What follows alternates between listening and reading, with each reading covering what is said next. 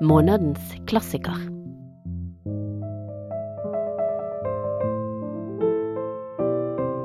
En podkast fra Bergen offentlige bibliotek. Mange år senere, foran eksekusjonspelotongen, måtte oberst Aureliano Buendia tenke på den ettermiddagen for lenge, lenge siden da faren tok ham med for å vise ham isen. Makondo var den gang en landsby med 20 hus av leire og bambusstokker ved bredden av en elv med krystallklart vann som strømmet over blankskurte stener, hvite og enorme som forhistoriske egg. Verden var så ny at mange ting ennå ikke hadde navn, og skulle man snakke om dem, måtte man peke på dem. Hei og hjertelig velkommen til Månens klassiker fra Bergen offentlige bibliotek. I oktober utforsker vi 100 års ensomhet, colombianske Gabriel Garcia Marquez sin fantastiske roman fra 1967. Du kan bli med videre på reisen gjennom romanen med panelsamtale 19. oktober på biblioteket med forfatter Kjartan Fløgstad, journalist og oversetter Ingrid Fadnes og Jon Askeland fra Universitetet i Bergen. 26. oktober inviterer vi til en åpen lesesirkel, der du selv kan komme og dele din opplevelse med 100 års ensomhet. 100 års ensomhet er ofte utpekt som en av de største verkene i verdenslitteraturen. Romanen er den ambisiøse fortellingen om Buendia-slekten og landsbyen Macondo gjennom 100 år. José Arcadio Buendia og Ursula Iguaran grunnlegger Macondo etter José Arcadio drømmer om en by laget av speil. Fortellingen om slekten, byen og verden som kommer til den, utforsker latinamerikansk kultur og identitet, og er et av de mest kjente verkene innenfor magisk realisme. Jeg er Hanne Rømsing Sæverås, og med meg for å diskutere 100 års ensomhet er Kari Soriano Salskjelsvik, som er første amanuensis i latinamerikansk litteratur på Universitetet i Bergen. Velkommen til oss. Og takk for invitasjonen. Da starter jeg med å spørre hvorfor er 100 års ensomhet en klassiker? Ja, det er kanskje et åpenbart svar, det jeg skal si, men 100 års ensomhet markerer en begynnelse i latinamerikansk litteraturhistorie. Når den kom ut i 1967, ble den nesten med en gang printet de andre gang. Jeg tror det var når vi kom til 1968, så var den i den 50-utgave, eller noe sånt. Så, mm. så, det var jo veldig, veldig populær, og stor salgssuksess også. Men uh, ikke bare det. Den forteller og den skriver om Latin-Amerika på en måte som aldri hadde vært gjort før. Og innenfor akademia, der hvor jeg jobber, sant, så lenge men når man studerte latinamerikansk litteratur, så begynte man med magisk realisme og Garcia Marquez. Akkurat som om ingen hadde skrevet før det. Så den virkelig står i en markert plass i det vi tenker på som latinamerikansk litteratur, eller spansktalende litteratur. For det, bare, det ble ikke bare solgt i Latin-Amerika, det ble solgt verden over. Veldig viktig i Spania også, og oversatt til over 50 språk. Mm. Og fullstendig unik. Ja, fullstendig unik på mange måter. Mm. Hva um, burde lytterne vite om uh, Gabriel Garcia Marquez? Gabriel Garcia Marquez um, fra Colombia. Han er nobelpris. Han fikk også en annen pris som, uh, som er veldig viktig innen, innen, i Latin-Amerika, som er Premio Miguel Ángel Asturias. Han um, var med i den gruppe som het uh, El Bom, og Bom kommer fra det. og Det var en eksplosjon av latinamerikansk historie. Og han var veldig åpen om at dette er et prosjekt som han hadde om latinamerikansk litteratur. Om å vise verden hvordan Latin-Amerika ikke bare skrev, men hvordan Latin-Amerika så og oppfattet verden. Verden, ting, tid. Ja. For det er jo nettopp det mange har påstått, at romanen gir en spesiell stemme til Sør-Amerika. Er det noe du er enig i? Ja, og det er som sagt et prosjekt som ble kalt Som mange har identifisert med magisk realisme. som er en litterær genre, som begynner med den gruppen med Garcia Marquez og den gruppen som var rundt ham, blant annet Mario Vargas Llosa, Miguel Ángel Asturias, som skriver på en veldig spesiell måte, der hvor det vi oppfatter vanligvis som virkelighet, fra en sånn objektiv måte, blir blandet med ting som er magisk. Men um, man må ikke glemme at det er faktisk både realisme og magisk. Og det er det som gjør prosjektet så spesielt. Fordi i mange år så hadde latinamerikanerne spurt seg hvem er vi? Først var det urbefolkningene, mayas, aztecas osv. Så, videre. så kom spanjolene inn i, i 1492 og var der frem til 1810. I den tiden ble Latin-Amerika spansk på en måte. De lærte spansk, de lærte um, vestlig kultur. De ble regjert fra, eh, fra, Spania. Og lederne, de som hadde lederstillinger i Latin-Amerika, var alltid spansktalende og kom fra Spania. Dermed så ble disse urkulturene enten drept, som vi vet fra historien, eller, eller glemt og gjemt vekk. Når kolonitiden ender, så står disse menneskene som skal være ledere, og så spør de hvem er vi. sant? de ser på kolonitiden. Vi er, vi er ikke spanske, så vi er noe annet. Men så ser du tilbake, men vi er heller ikke aztecas eller mayas eller noe sånt. Så det blir liksom et veldig viktig spørsmål å svare helt ifra begynnelsen av 1800-tallet. Hvem er vi som leder, lager disse nye nasjonene som lever her? sant? Og dermed dette spørsmålet som Man kan jo også spørre seg om, om, spørsmålet er riktig hvis du må drive liksom over 100 år og samme, stille samme spørsmål, men det ble forsøkt og svart med denne gruppen unge menn som ble kalt eh, El Bom, det eh, latinamerikanske Bom, og som skrev magisk realisme. De forsøkte å svare på dette spørsmålet. Se, dere har ikke skjønt det. Det er det at i Latin-Amerika så er vi annerledes. Vi ser verden på en annen måte. Vår, vår eh, verden vår virkelighet er magisk. Og dere har ikke skjønt noen ting. Ja. Mm. Det var vel også sånn at han vokste opp i et veldig fortellende hjem med både en eh, bestemor og en bestefar som var glad i fortellinger. Så man kan jo tenke seg at det både tar videre en fortellertradisjon og lager noe nytt. Ja. Magisk realisme. Han, ja, han er kjent for hans fortellerkunst. Han forteller han har en måte å bruke ord som, eh, som tar tid. Og det er en av de tingene vi må tenke på når vi leser. Det, I den tiden nå når vi hører på kjappe podkast sånn som denne, ja. eller vi ser på, på småsnuter og ting på TikTok eller eh, andre digitale medier, så dette, dette går på nesten en sånn ekstrem sakte tid. Der hvor alt blir fortalt i det minste detalj. Det kan være litt vanskelig å, å, lese det, men man må gi slipp for det behovet for å gå fort inni fortellingen. Og, og, for du spurte hva må man gjøre, hvordan skal man lese det? Og en av, en av måtene det liksom jeg at dette er en, tid, det er en tid som går sakte, men også at det som skjer her, kan oppfattes som i en mytisk dimensjon. Og dermed så er ikke er ikke handlingen heller lineell. Når du leser en roman, så oppfatter du fort at alle karakterene i romanen heter det samme. Aureliano, Arcadia, Olsola. Ursula. Og til og med for en person som meg, som har lest romanen mange ganger, så glemmer jeg hvem er hvem. sant? Alle heter Aureliano. Til og med en, oberst Aureliano, en av hovedkarakterene, han har 17 barn med 17 forskjellige kvinner, og alle heter Aureliano. Så det, det er liksom en tegn også på at her er det en annen dimensjon, en annen måte å, å snakke om identitet du får ikke identitet bare av navn, du får det av noe annet, av familie, av hvor du er. Men også av at tiden går på en helt annen måte enn det vi for, kanskje forventer fra andre typer eh, romaner. Mm. Men det er også det som gjør det at den blir så spesiell, så magisk og så, og så unik. Verdt å lese. Helt fra første side til, til siste.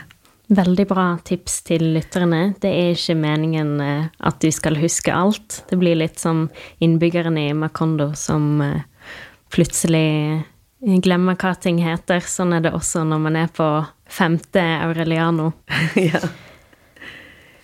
Jeg tror man kan si at uh, 100 års ensomhet sin åpning er en av de aller mest kjente i verdenslitteraturen. Hva er det som er så spesielt med den? Det er flere ting å påpeke på i begynnelsen. Det er jo begynnelsen på en mytisk tid, med sånn resonansen fra Bibelen kommer. sant? Ting hadde ikke navn, man måtte peke på dem. Det er ikke eneste gang man må peke på ting i romanen. Så det er noe med, med det å gi navn og, og, lage virkelighet gjennom språket også. Dette her er en verden, en ting som begynner helt ordrett med romanen, og som vi ser når vi ender Eh, når vi er ferdig med romanen, så slutter den der også.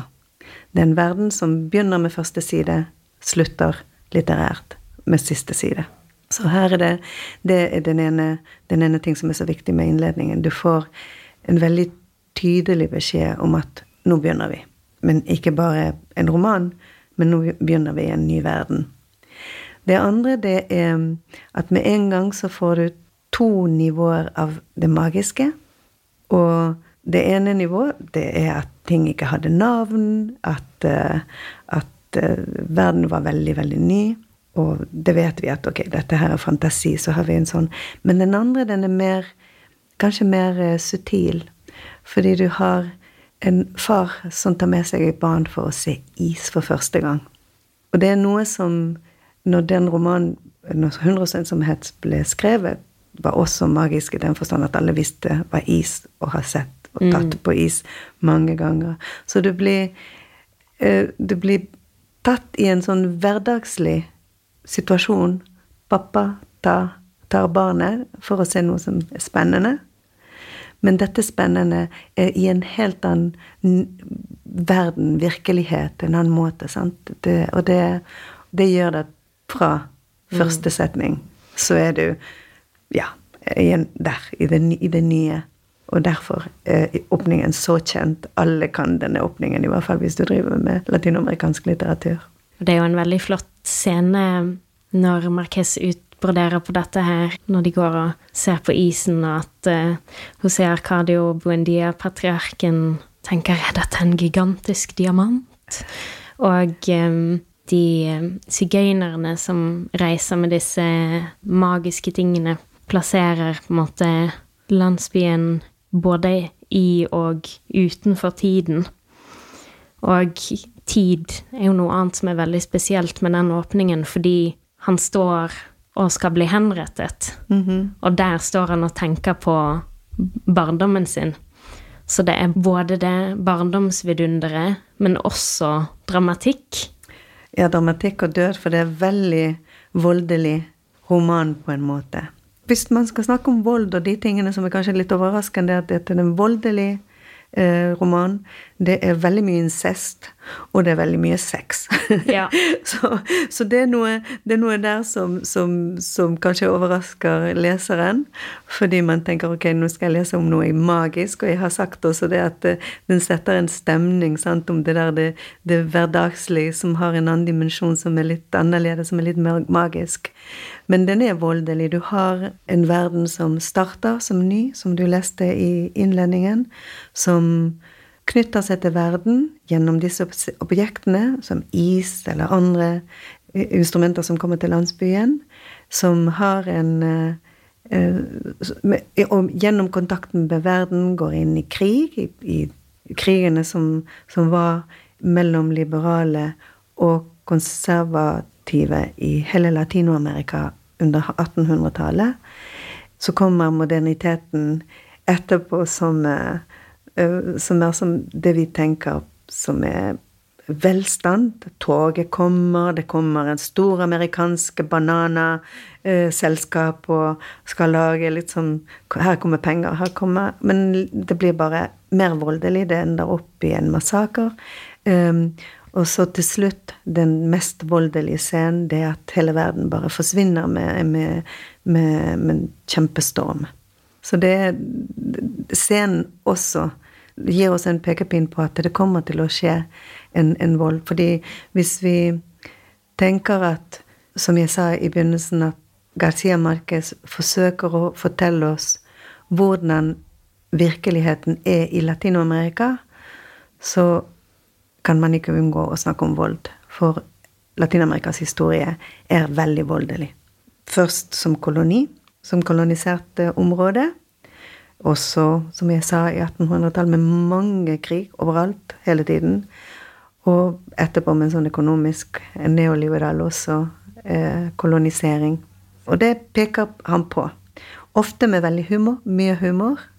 Og som sagt inn i den detaljert virkelighet som får oss til å smile ofte.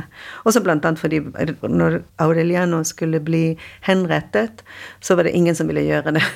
For de var redd for at noe skulle skje med de, mm. med den som skjøt han. Så det er hele tiden sånn lag på lag med Ja. Men ganske radikalt å ha så mye humor når man beskriver så mye vold. Men det er jo det som gjør romanen så flott, på ja. et vis. Eh, men alt dette finner jo sted eh, i et sted, landsbyen Makondo, over 100 mm. år. Eh, så det er jo veldig spesielt for denne romansettingen den har. Ja, Makondo er nå, etter så mange år, så er Makondo et sted som er veldig, veldig godt kjent. Men Makondo er ingen sted som er alle steder. Det er en jungel hvor som helst, egentlig. Det er en jungel et sted som har vært kolonisert, og som strever for å forstå hvem de er, og hvilken plass de har i historien. Så ja, man kan sette I lange strekk så kan man si at ja da, dette tilsvarer Colombias historie, men på en annen måte kan, som, som, akademiker så må jeg si nei, vær forsiktig med dette. ikke, ikke forsøk å Ikke heng det opp i den delen av, av sjangre som heter realisme. Magisk realisme. Ikke bruk det nei, nei, ikke gjør det. Eh, gå, gå, helst på den andre delen, på magien, og forstå, som jeg har sagt, og jeg gjentar meg, at dette her er et prosjekt. Det, det forsøk, det, man skal vise noe veldig konkret. Som ikke er nødvendigvis den historien som kommer i bøkene. For det har vi historikere som gjør. Garcia Marquez gjør det på en helt annen måte. Men samtidig så går jo Macondo fra å være noen få telt mm. slått opp på et øde sted, til å bli både herjet av politisk konflikt og kapitalisme. Så vi kan vel også si at modernitet og konsekvensen av modernitet er ganske viktig. Ja, det blir jo veldig godt kritisert, og man, man kan ha en lesning av romanen som sier at uh, det er en sterk kritikk over koloni, på kolonimaktene. Men på den andre siden så kan man også si at det er bare en rå fortelling over det som skjedde.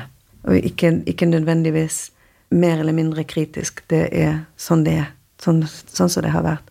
Og Dessverre så Det er ikke bare i Colombia det har skjedd. sant? Det har jo skjedd over hele kontinentet.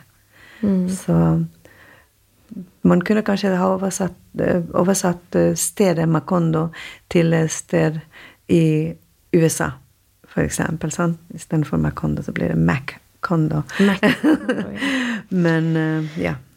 Og det er ikke bare um, Macondo vi følger over 100 år. Det er jo Buendia-slekten. Mm -hmm. um, hva, hva, kan vi si om de? Det er jo, de er jo mange og varierte karakterer. Det er en synergi mellom familie, sted, tid og historie. Her er det, det går ikke an å, å skille fra hverandre familien Buendia og Macondo som dette magiske sted som begynner fra null, der hvor det ikke er et navn på ting engang, til stormen som ødelegger absolutt alt. Det samme med familien, som flytter fra eh, et landsby og bygger, begynner å bygge Macondo fordi de, det er Ursula og Cosercadio Buendia som gifter seg, men de er fetter og kusine, så de fikk ikke lov å gjøre det. Så de, de, de ja, de har problemer. De, de, ble, de blir forfulgt av en spøkelse, så de bygger opp dette stedet. Og deres begynnelse, eh, velstand og til slutt død av hele slekten, går parallelt med bygningen og velstand og død av Macondo. Mm. Og alt fordi det er omfattet i en veldig spesiell måte å se på både tid og sted. Aureliano hadde aldri vært mer klartseende enn da han glemte sine døde og sorgen over sine døde, og på nytt spikret igjen dører og vinduer med Fernandas lemmer for ikke å la seg forstyrre av verdens fristelser, for nå visste han at hans skjebne sto skrevet i Melkiades pergamentruller. Han fant dem uskadd mellom de forhistoriske plantene og de dampende dammene og de selvlysende insektene som hadde utvisket ethvert spor etter menneskets gang på jorden, og han ga seg ikke tid til å ta dem med ut i lyset, men ble stående der og tyde dem med høy stemme, uten den minste vanskelighet, som om de var skrevet på spansk i middagstimens blærende lys. Det var familiens historie, skrevet av Melkiades i den aller minste detalj for 100 år siden. Melkiades hadde ikke ordnet hendelsene i menneskenes vanlige tid, men hadde konsentrert et århundrets dagligliv slik at alt eksisterte samtidig. Han var så oppslukt at han ikke la merke til vindens framstøt, en syklonisk kraft som rev dører og vinduer av hengslene, flerret opp taket på østsiden av huset og løftet det fra dets grunnvoller. Og um, når Ursula og José Arcadio Buendia blir sammen til tross for å være fetter og kusine, så er Ursula så redd for at de skal få et barn med grisehale. Og det skjer jo helt i slutten av romanen, når eh, Aureliano Babylonia og eh, tanten får et barn. Eh, så det føles som det er noe med skjebne her. Ja, og det er veldig interessant at det skal være Aureliano, Babylonia og Amaranta mm. som har dette barnet. Fordi hvis vi ser på de mannlige karakterene i romanen og de kvinnelige, så ser vi at de mannlige karakterene de er drevet ofte av uh, libido. De vil bare ligge med, med ikke hvem som helst, men, de, men det som veldig seksuelt driver de. Mens uh, kvinnene, de deres opplevelse av seksualitet det kommer ofte gjennom incest. Så i, i, hele historien til Macondo er disse barna som Det er ingen barn som er født av kjærlighet. Det er bare det siste barnet, og det er det barnet som blir født med grisehale. Så det er nesten som om tiden og profesien om straffen du får fordi du gifter deg med en kusine, venter en tid, sånn at tiden stopper for å lage Macondo. Og det er når Macondo er nesten død, at profesien eh, tar sted. Det er kanskje der ensomheten kommer inn? Ja, ensomheten. Alle, alle er veldig ensomme mm. i denne romanen. Det er ikke bare Macondo som er et sted i, midt i en jungel et eller annet sted, som isolert fra verden, der hvor isen er noe som ikke de har sett. Det er menn som er alene, menn som har Sånn som jeg sa tidligere, Aureliano, Aureliano har 17 barn, men han er alene forsøker til og med å skyte seg selv. Han skyter seg selv i brystet, men uh, kulen greier å gå gjennom kroppen uten å treffe på noe, noe, mm, noe organ. Så klart. så han, han, er dømt til å være ensom hele tiden. Og, men alle menn, mennene sånn Kvinnene låser huset og søker å være alene. Det er veldig mange mennesker som er alene i, i romanen, men også landsbyen isolert. Mm. Du nevnte jo at um, romanen avsluttes med at hele Makondo forsvinner i en storm. Og uh, den går jo også tilbake til begynnelsen på en annen måte. I begynnelsen blir vi introdusert for Melkiades, som kommer med diverse instrumenter og isen til Makondo. Og det slutter med at eh, Aureliano Babylone finner og leser et manuskript. Eh, og leseren forstår etter hvert at dette manuskriptet, som da er skrevet av Melkiades, er romanen man leser. Hvorfor er dette en så sterk slutt? Det er mm, nå, nå, kan jeg liksom innrømme at Melkiades er kanskje min favoritt favorittkarakter i romanen. Fordi favoritt han, denne sigøyneren som kommer med en lupe f.eks. til en landsby, og, og José Arcadio Jeg husker ikke navnet Ja, engang. José José Arcadio forsøker, ja. ja, forsøker å lage et våpen. Han tenker at dette kan være sånn krigsvåpen med det. Så han kommer han, det er liksom, han, er, han er denne lille flammen som Skal selge det til styresmaktene. ja. Og, og han kommer inn i landsbyen med disse ting som for oss, når vi leser det, det er helt vanlige ting. Sånn, ikke hverdagslig, men i hvert fall veldig kjent. Men i Macondo så sparker de den uh, kuriositeten til en av hovedkarakterene. sant? Og det er derfor Melkiades for meg det er liksom den, der, den som starter hele tiden nye fortellinger. Men uh, når det gjelder slutten, så er Aureliano Babylonia, som jeg tenker på navnene Aureliano Babylonia leser dette manuskriptet som Melkiades i sin siste del av livet, sant? Når, når han var gammel. Han gikk, reiste til Macondo og bodde der til han døde. Men han satt i et rom og skrev noe som ingen forsto. Første person som greier å forstå det, det er faktisk den siste mannen, like, eh, Audeliano. Og når han leser det, så ser vi at tiden For det første så det at vi leser en roman som også blir lest, så du, du får en avstand, en, narrativ avstand fra selve fortellingen. Men også at i slutten av manuskriptet så tiden forsvinner, og alle karakterene lever samtidig. Du får en sånn forståelse at denne verden er faktisk verden inni en bok, inni en manuskript. Og Det er helt eh, mesterlig, altså. det er helt, helt mesterlig. Det er en av de Det er derfor han Melkiades blir en, en sånn magisk. Sant? Men også for oss som lesere som trodde hele romanen at vi hadde en sånn tredjepersons forteller sant? som visste alt og kunne absolutt alle detaljene. Eh, Vi oppdager at nei, det er ikke det. Det er Melkia- Melkiades som sitter der i sine gamle dager, sannsynligvis halsen i og skriver på dette. Sånn. Ja. Så Og de får ikke en ny sjanse. Nei, de gjør jo ikke det. Og derfor så blir tiden så rund og ikke lineell. Det går ingensteds. Det går som i begynnelsen. En null, ingenting.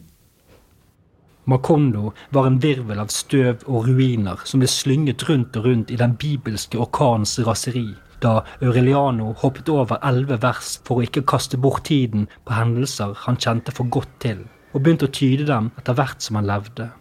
Spådommen om at han skulle stå der og tyde den siste siden av pergamentene som om han sto og så i et snakkende speil. Så hoppet han enda et stykke for å komme spådommene i forkjøpet og bringe på det rene dagen og omstendighetene for sin egen død. Men før han kom til siste vers, hadde han allerede forstått at han aldri ville forlate dette rommet, for det var forutsagt at speilenes eller gjenferdenes by skulle legges i grus av vinden og fordrives fra menneskenes erindring i samme øyeblikk som Aureliano Babylonia tydet den siste verselinjen, og at alt som var skrevet i pergamentrullet, ikke kunne gjentas fra evighet til evighet, for de slekter som er dømt til hundre års ensomhet, får aldri en ny sjanse i verden. Selv om det er en bok som har fått dette prestisjetunge klassikerstempelet, så kan vi vel absolutt si at den er aktuell for folk i dag. Ja. Dette nå skal jeg kanskje bli litt sånn lærer igjen, men eh, en av de viktigste tingene for meg det er at Garcia Merkes med 100 ensomhet minner oss om en måte å fortelle som vi ofte glemmer. Detaljene, den sakte rytmen. For eksempel når en av eh, disse Arkadios eller Aurel- Aurelianos dør, og blodet hans går tilbake til Ursula, matriarken i familien. Den ble, den, det ble beskrevet i detalj hvordan den går opp gatetre, og som, som vi har snakket eh, litt tidligere, før vi hadde denne postkassen, sånn, så det er nesten som Balzac som, eh, som beskriver fasaden på en katedral, men her er det blod som går og, og for, for skal fortelle Ursula at, eh, at sønnen døde. Um, Med den største åpenbarhet. med, ja. Sånn ingen reagerer, den bare går. Det, og hun løper da for å, for å hente han. Så, så det, er noe, det er noe der som jeg tenker at er viktig. Og gi seg tid også til å, til å se på den andre rytmen. Spesielt nå, i 2022, der hvor ting går så fort. Vi skal ha alt med en gang. Vi skal kunne se en TV-serie på to kvelder. Sant? Vi skal kunne eh, gjøre alt så fort. Så den har, eh, den har, et annet tempo både i forhold til det litterære og i forhold til livene vi lever i dag. Ja, samtidig som når jeg sammenligner dette til, med, en klassiker som Basak, det, det, det, er annerledes også fordi det er veldig mye humor. Mm. Det, fortelleren har glimt i øynene hele tiden. Eh, det hverdagslige har en eh, overraskende effekt på oss hele, nesten hele tiden. Så det er noe som også er viktig i romanen humor. En, en, sakte humor. En intelligent humor. Veldig eh, gøy å lese. Og han er, um, Garcia Marquez er en master på dette. Det andre er at, eh, og vi har jo også nevnt det tidligere, dette eh, Det er ingen tvil på at Macondo er et sted som blir kolonisert. Først av maktene, militære makter, etterpå av kapital. Og derfor så er det også aktuelt. Det minner oss om uh, makter den snakker om forskjellige typer makt over vanlige folk. Og mange, at det fins mange måter å bli kolonisert på. Så det, det, tenker jeg også at det er viktig. Så den har på en måte som ikke er konkret i den forstand at det, du kan ikke si at dette handler om United Fruit Company. Det handler om United Fruit Company og alle andre store kapitaler fra USA som koloniserte og brukte eh, latinamerikanske naturen for å få materialer og selge det andre, andre, steder. I den tiden, men også i dag. Sant? Og vi kan tenke på olje, vi kan tenke på soya, vi kan tenke på fisk Vi kan tenke på veldig Og store kapitaler som beveger verden og koloniserer på forskjellige måter politikk og eh, enorm fortellerkunst florerer om hverandre. Ja, og så alt sydd med, med, godt humor. Mm. Så hvis du skal overbevise de som hører på en siste gang, hvorfor skal vi lese denne boken i dag? Fordi den gir deg Jeg kaller det sånn ekstrem ensomhet. Og det går med tittelen 'Vi er mest ensomme når vi leser'. Det er en måte å være isolert men samtidig den måten å være isolert er også magisk. For du er ikke alene. Du er med Gabriel Garcia Marquez, med alle Buendia, Aurelianos, Arcadios, Josés, alle kvinnene. Ursula, Atamara mm. eh, Rebe Remedios. Remedios. Eh, så du er ikke alene, samtidig som du, du kan oppleve å være helt helt alene i disse hundre år som tiden varer i romanen. Amen. Tusen takk til eh, Kari som var med og pakket ut den fabelaktige romanen, og takk til deg som hørte på. Månens klassiker fortsetter videre med panelsamtale 19.10. med Kjartan Fløgstad, Ingrid Fadnes og Jon Askeland. Og så blir det lesesirkel hjertelig velkommen. I det samme José Arcadio lukket døren til soveværelset, drønnet lyden av et pistolskudd gjennom huset.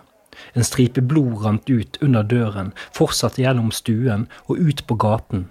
Og så rant den direkte over de hullete fortauene, nedover stentrapper og oppover gelendere, gjennom hele Tyrkergaten, dreide rundt et hjørne til høyre og så til venstre, svingte i rett vinkel foran huset til familien Buendia, rant under døren som var lukket, gjennom mottagelsesstuen, tett inntil veggene for ikke å søle til teppene, fortsatte gjennom den andre stuen, tok en stor sving utenom spisebordet, nedover søylegangene med begoniaene og passerte uten å bli oppdaget under stolen til Amaranta, som holdt på å gi Urliano José en time i regning, og så kom den inn gjennom kornkammeret og ut på kjøkkenet hvor Ursula skulle til å knekke 36 egg til brødrene.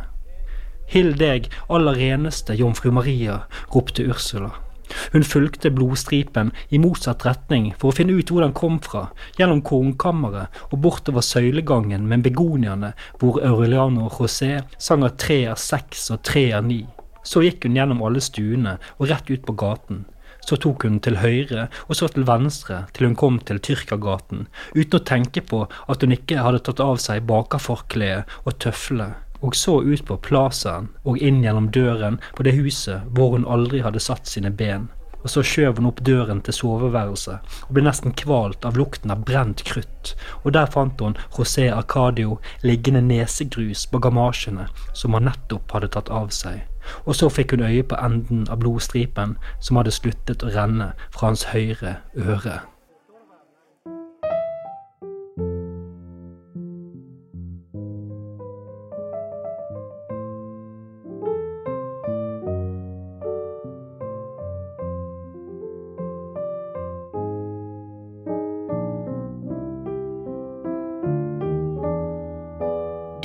Lytta til en podkast fra Bergen offentlige bibliotek.